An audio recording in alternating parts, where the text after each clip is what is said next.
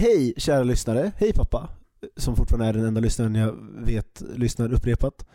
Och eh, jag tänker mig att jag eh, en dag när jag är eh, så här media mogul så kommer jag ha, vara Peter Harrison och så kommer jag i slutet på varje avsnitt tacka som, som tackade sin mamma i slutet på varje avsnitt av Så ska det låta tror jag det var.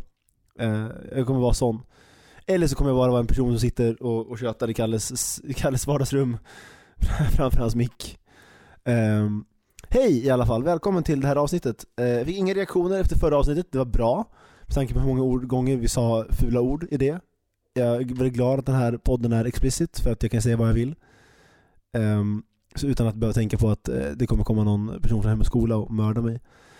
Um, jag har, eftersom det gick bra förra gången så har jag ingenting att säga nu. Jag pratade i ungefär två minuter och vi får se hur mycket av det här som stannar. Men jag tänker att vi kör en ganska kort grej nu för jag känner att jag har en, jag har en bra, jag har kört bil hela dagen, jag har en bra och jag pratade med många bra människor på första maj som var nyligen när det här spelas in.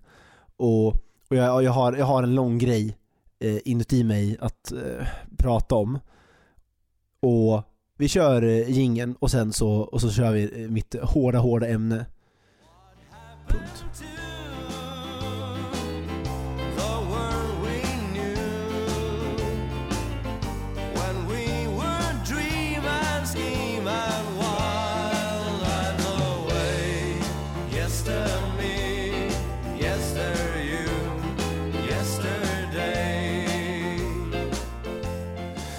Yes. Och det här stora, hårda, arga ämnet vi har framför oss idag, det är jag vill säga att det är skönhetsrådet, men det, det är ju inte, det är bara att, eh, att eh, som bäst eh, ta lite på ytan. Vi, vi börjar med problematiken. Det byggs för få bostäder i Sverige. Det finns för få bostäder i Sverige och det finns just nu inga, väldigt få hopp som jag ser det på att vi någonsin ska lyckas bygga ikapp det vi inte har haft nu senaste åren. Sen har jag en, en stor politisk motivation om att vi ska vara 100 miljoner människor i det här landet en dag. Eh, alltså om, om typ 100 år, ganska snar framtid så. Och för att lyckas med det så behöver vi bygga mer. Eh, och vilket vi ändå behöver, framförallt i, i Stockholm och storstadsregionerna där det flyttar väldigt mycket folk. Men, men det här är en side-note. Min teori, som jag kan tänka mig att diskutera en dag, är vi behöver bygga mer hus i Stockholm. Ja, och i Göteborg antagligen och jag vet inte, jag vet väldigt få städer där det inte råder bostadsbrist just nu. Och vi behöver bygga mer hus. Problemet med att bygga ett hus är att det jobbiga med att bygga huset är att få till tillstånden och eh, fixa marken och, och allt sånt där. Och, och sen när du väl bygger, lägga grunden, nu hela den där grejen liksom. Sen när du väl börjar bygga så är det bevisligen inte så svårt att bygga, fortsätta bygga. I Kina till exempel så har de färdiga moduler eh, av våningar som de bara lägger på på varje, av, av alltså väggarna och så lägger de bara på den. Och så bara drar de elen, eh, spacklar och målar så. Eh, jag har en vän som heter Samuel som var i Kina ett halvår och han eh, eh de byggde två, de byggde ett hus, ett höghus, eh, alltså Turning Torso högt under den tiden, under två, två eller tre månaders tid. Då byggde de alltså två våningar i veckan. Så uppenbarligen så är vi i Sverige dåliga på att bygga hus och det är någonting vi kan lära oss. Och det det kommer in i det här är att vi, vi, när du väl har gjort allt det jobbiga med att bygga ett hus så är det ju bara att bygga huset högre. Är teorin. Det är antagligen inte så enkelt. Jag förenklar mycket för att jag måste göra det. Men du förstår principen att så fort du har byggt en våning och ska kopiera den om och om, om, om igen så varför sluta, när du, varför sluta göra det när du har byggt åtta våningar? Varför inte göra det när du har byggt hundra våningar? Eller eh, 50 våningar i alla fall. Vi, kan, vi, vi, vi, vi behöver inte ta i. Det kanske är så att det finns en, eh, en väldigt bra anledning. Men fortfarande, mitt, när jag bodde i Täby förut så bodde jag i ett hus som var 16 våningar. Och det var det överlägset högsta huset i hela det området. Och så bygger de nya hus bredvid och så är de typ så här, åtta våningar höga. Och det är en sån otrolig waste av mark. Att inte bygga, nu ska de bygga 8000 bostäder. Hade de bara dubblat alla husen så hade de gjort 16 000 bostäder. Och så hade det ändå inte varit skyskrapor någonstans i närheten. Hade det varit skyskrapor hade vi kunnat få in 40 000 människor där, 40 000 bostäder där. Men det gör vi inte. Och då är frågan, varför? Varför har vi inga höghus i Stockholm? Och, eller i Sverige överlag. Det har ju typ Turning Torso. Eh, med få undantag. Och jag läste, en, eh, jag läste en artikel på det här som jag kommer återkomma till väldigt många gånger. Och där författaren lade fram att om per capita så bo, om, Stockholm, om man jämför Stockholm och New York så borde Stockholm ha 30 skyskrapor. Eh, på, baserat på folkmängden, men vi har noll. Och då är frågan varför? Och det visar sig att det finns extremt mycket dåliga, dumma anledningar till att inte bygger högt i Sverige. Och såklart är ju kärnan av alla de här är tradition. Och det är ju tragiskt. Eh, alla, alla, för mig så går alla anledningar till att inte bygga högt i Sverige tillbaka till i samma, samma problematik och det är att är vi aldrig byggt högt förut. För att, och, men, och vi kan, och det, vi lägger det där och sen så går vi vidare till, till ehm, eh, topp fem anledningar till att vi inte bygger högt. Eh, och första delen, vi återkommer direkt, vi knyter samman den här säcken direkt. Första problemet heter Skönhetsrådet. Skönhetsrådet är en instans under eh, Stockholms eh, kommunfullmäktige. Och det hörs på namnet vart det här barkar. Skönhetsrådet är, som du förstår, en samling med otroligt eh, reaktionära och framåt och progressiva människor som sitter och och bara så här, åh vad härligt det vore om Stockholm utvecklades lite då och då och vad härligt det vore om vi, om vi eh, blev liksom en, en framtidsstad. Nej, jag är ledsen men nej, det, jag lovar er, jag vet inte vilka som sitter på skönhetsrådet eh, idag, och, men jag lovar dig att det är de tråkigaste, torftigaste, ledsnaste människorna på jorden.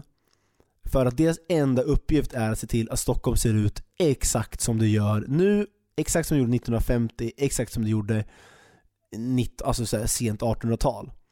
Jag har varit inne på deras sajt och kollat och Eh, bland deras ärenden, för att, för att det som händer om du ska göra någonting i Stockholm med ett hus så eh, måste du först prata med mm, alltså typ miljö och byggnadsnämnden och lite sådana saker. Och sen så finns det alltid eh, skönhetsrådet som, som fail safe, för att vi vill inte ha för mycket progress i Sverige. Det här är på gott och ont, vi vill faktiskt inte det. Eh, och det, det, är en del av att ha en byråkrati.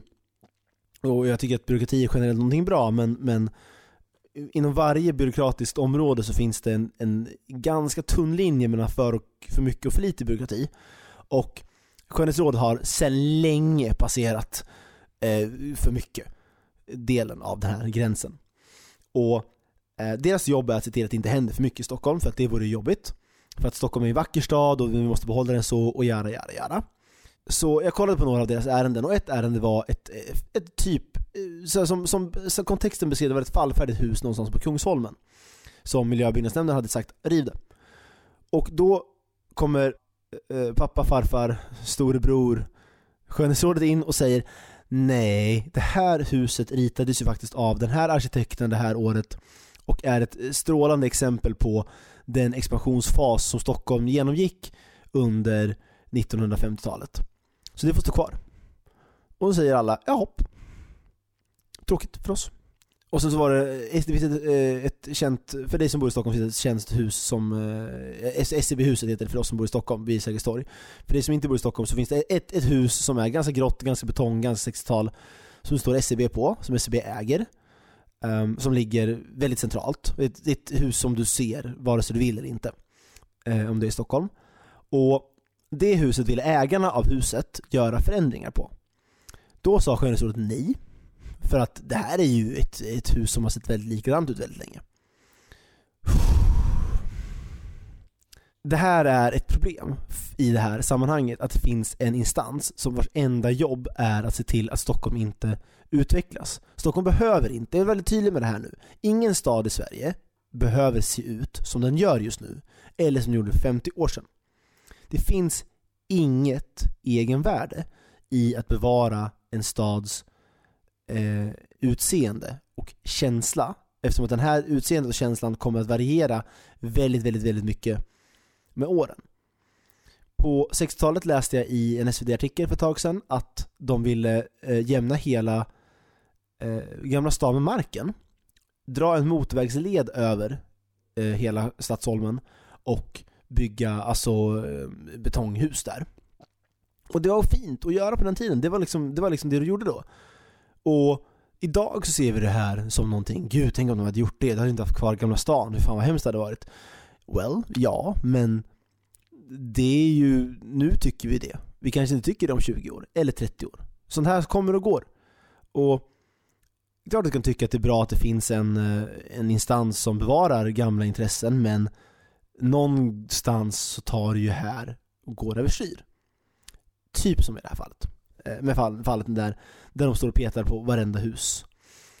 Um, nu har jag randat klart om skönhetsrådet. Jag har, jag har mycket mer att säga om det men, men jag förstår att dina öron också har en, en gräns.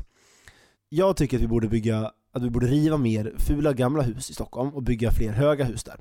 Det, det är grundteorin till varför jag har problem med skönhetsrådet. Men sen kommer det andra anledningar. Två av anledningarna som är ganska ointressanta det är, alltså kort för att det blir fult. Liksom det, eh, någon tycker att det inte passar in, någon tycker att till exempel skatteskrapan som vi har på Södermalm som faktiskt är, man kan säga ett höghus, nästan en skyskrapa, den ska vara dubbelt så hög. Men den passar inte riktigt in, du vet, åh, jobbigt. Och sen har vi eh, anledningen att eh, just att vi i Stockholm är väldigt rädda om vår eh, natur.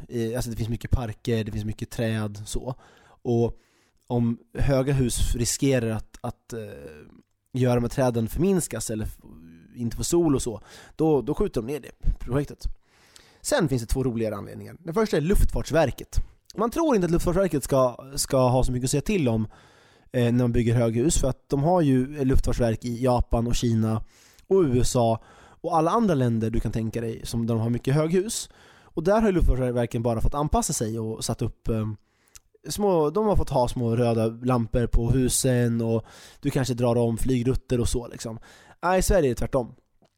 Eh, de, eh, enligt den här artikeln som jag läste, en KIT-artikel, jättebra, eh, så skulle de bygga ett, ett jättehögt hus vid Telefonplan i Stockholm som sköts ner av Luftfartsverket för att det skulle eventuellt störa ut en radaranläggning som ligger i Bromma.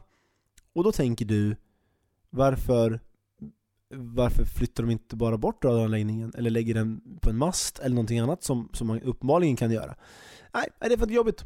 Det, det finns någon tjänsteman som inte tycker att den har betalt för att ta den typen av beslut och då stannar det. Sen kommer vi till min nya favoritanledning. Jag visste inte att det här var ett problem i Sverige, men det är klart att det är. Och det sista problemet är, med att bygga ett högt hus i Sverige är försvaret. För att i Sverige har vi totalförsvar, vilket innebär att alla samhällets funktioner vid um, alltså hot mot, från främre makt, bla bla bla, du vet, det juridiska. Om det kommer någon och vill slåss med oss i Sverige så eh, antagligen är det Ryssland, för att Ryssland är, är den hemska, farliga fienden de jour. Om ryssen skulle komma hit så skulle hela, alla samhällets eh, delar mobiliseras för att stoppa ryssen. Eh, och inklusive, inklusive till exempel mig och Kalle som inte gjort lumpen. Vi skulle också behöva gå ut i krig. Tråkigt Kalle. Hoppas du gillar vapen. Eh, och i en del av totalförsvaret så ingår det att försvaret har rätt att säga till om, om hus. Och det finns alltså en lag i Sverige som säger att om ett hus är mer än 45 meter högt, då har försvaret rätt att säga nej till att bygga det huset. Och det händer ganska ofta. Och då tänker du, men, men Daniel, det finns ju jättemycket länder som har höghus, eller som har hus som är högre än 45 meter, som eh, inte som också har ett större yttre hot, en större yttre hotbild än vad Sverige har, för att Sverige har exakt noll yttre hotbild. Också en, en, en diskussion, ett topic för en annan, men, men om du inte tror det så, så tycker jag att du har fel. Eh, eh men det är, en, det är en diskussion för en annan tid.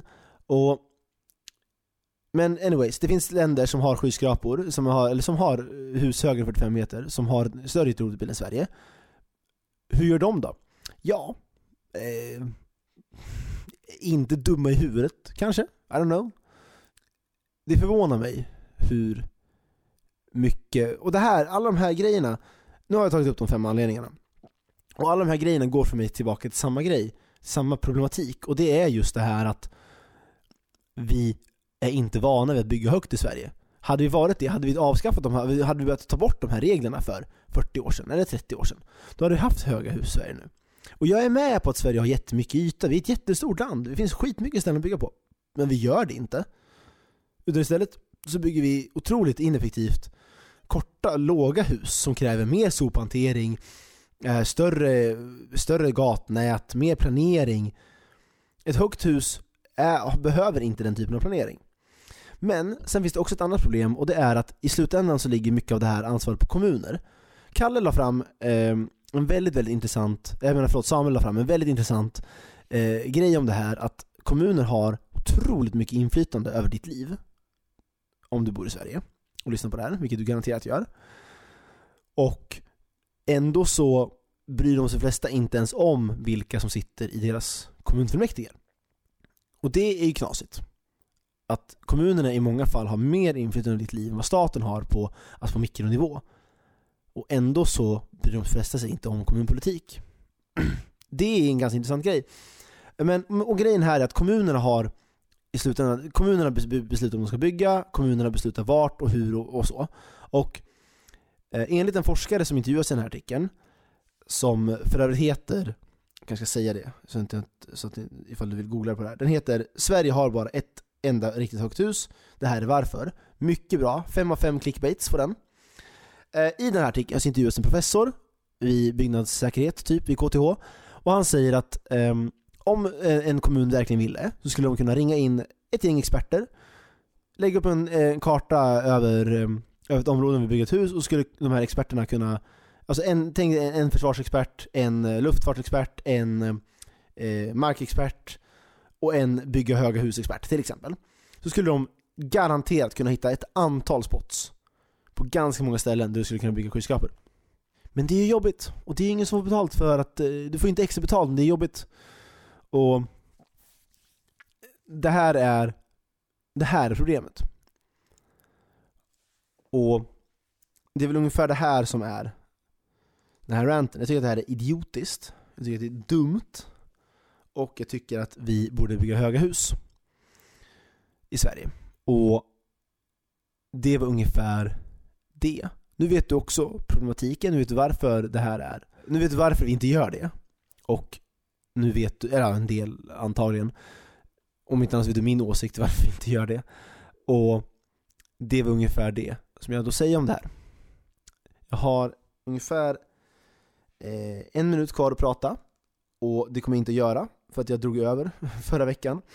Eh, nu gick vi in lite på politik. Det var spännande att utforska det här området för att jag kan inte utveckla alla poänger så mycket som jag vill. Och det är en del av designen och det är bra. För att annars skulle jag sitta här och mala i timmar och antagligen säga samma sak flera gånger. Um, men som vanligt, tyckte du att det här var schysst så finns det antagligen en knapp som du så prenumerera på. Uh, den finns antagligen i Acast och den finns garanterat i iTunes.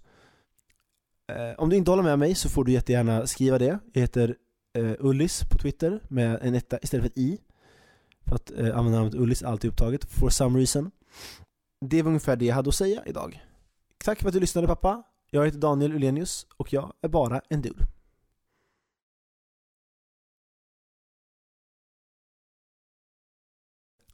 Jag gör rimma på från underground nivå. Och gud, hamnar här i inspelningen nu.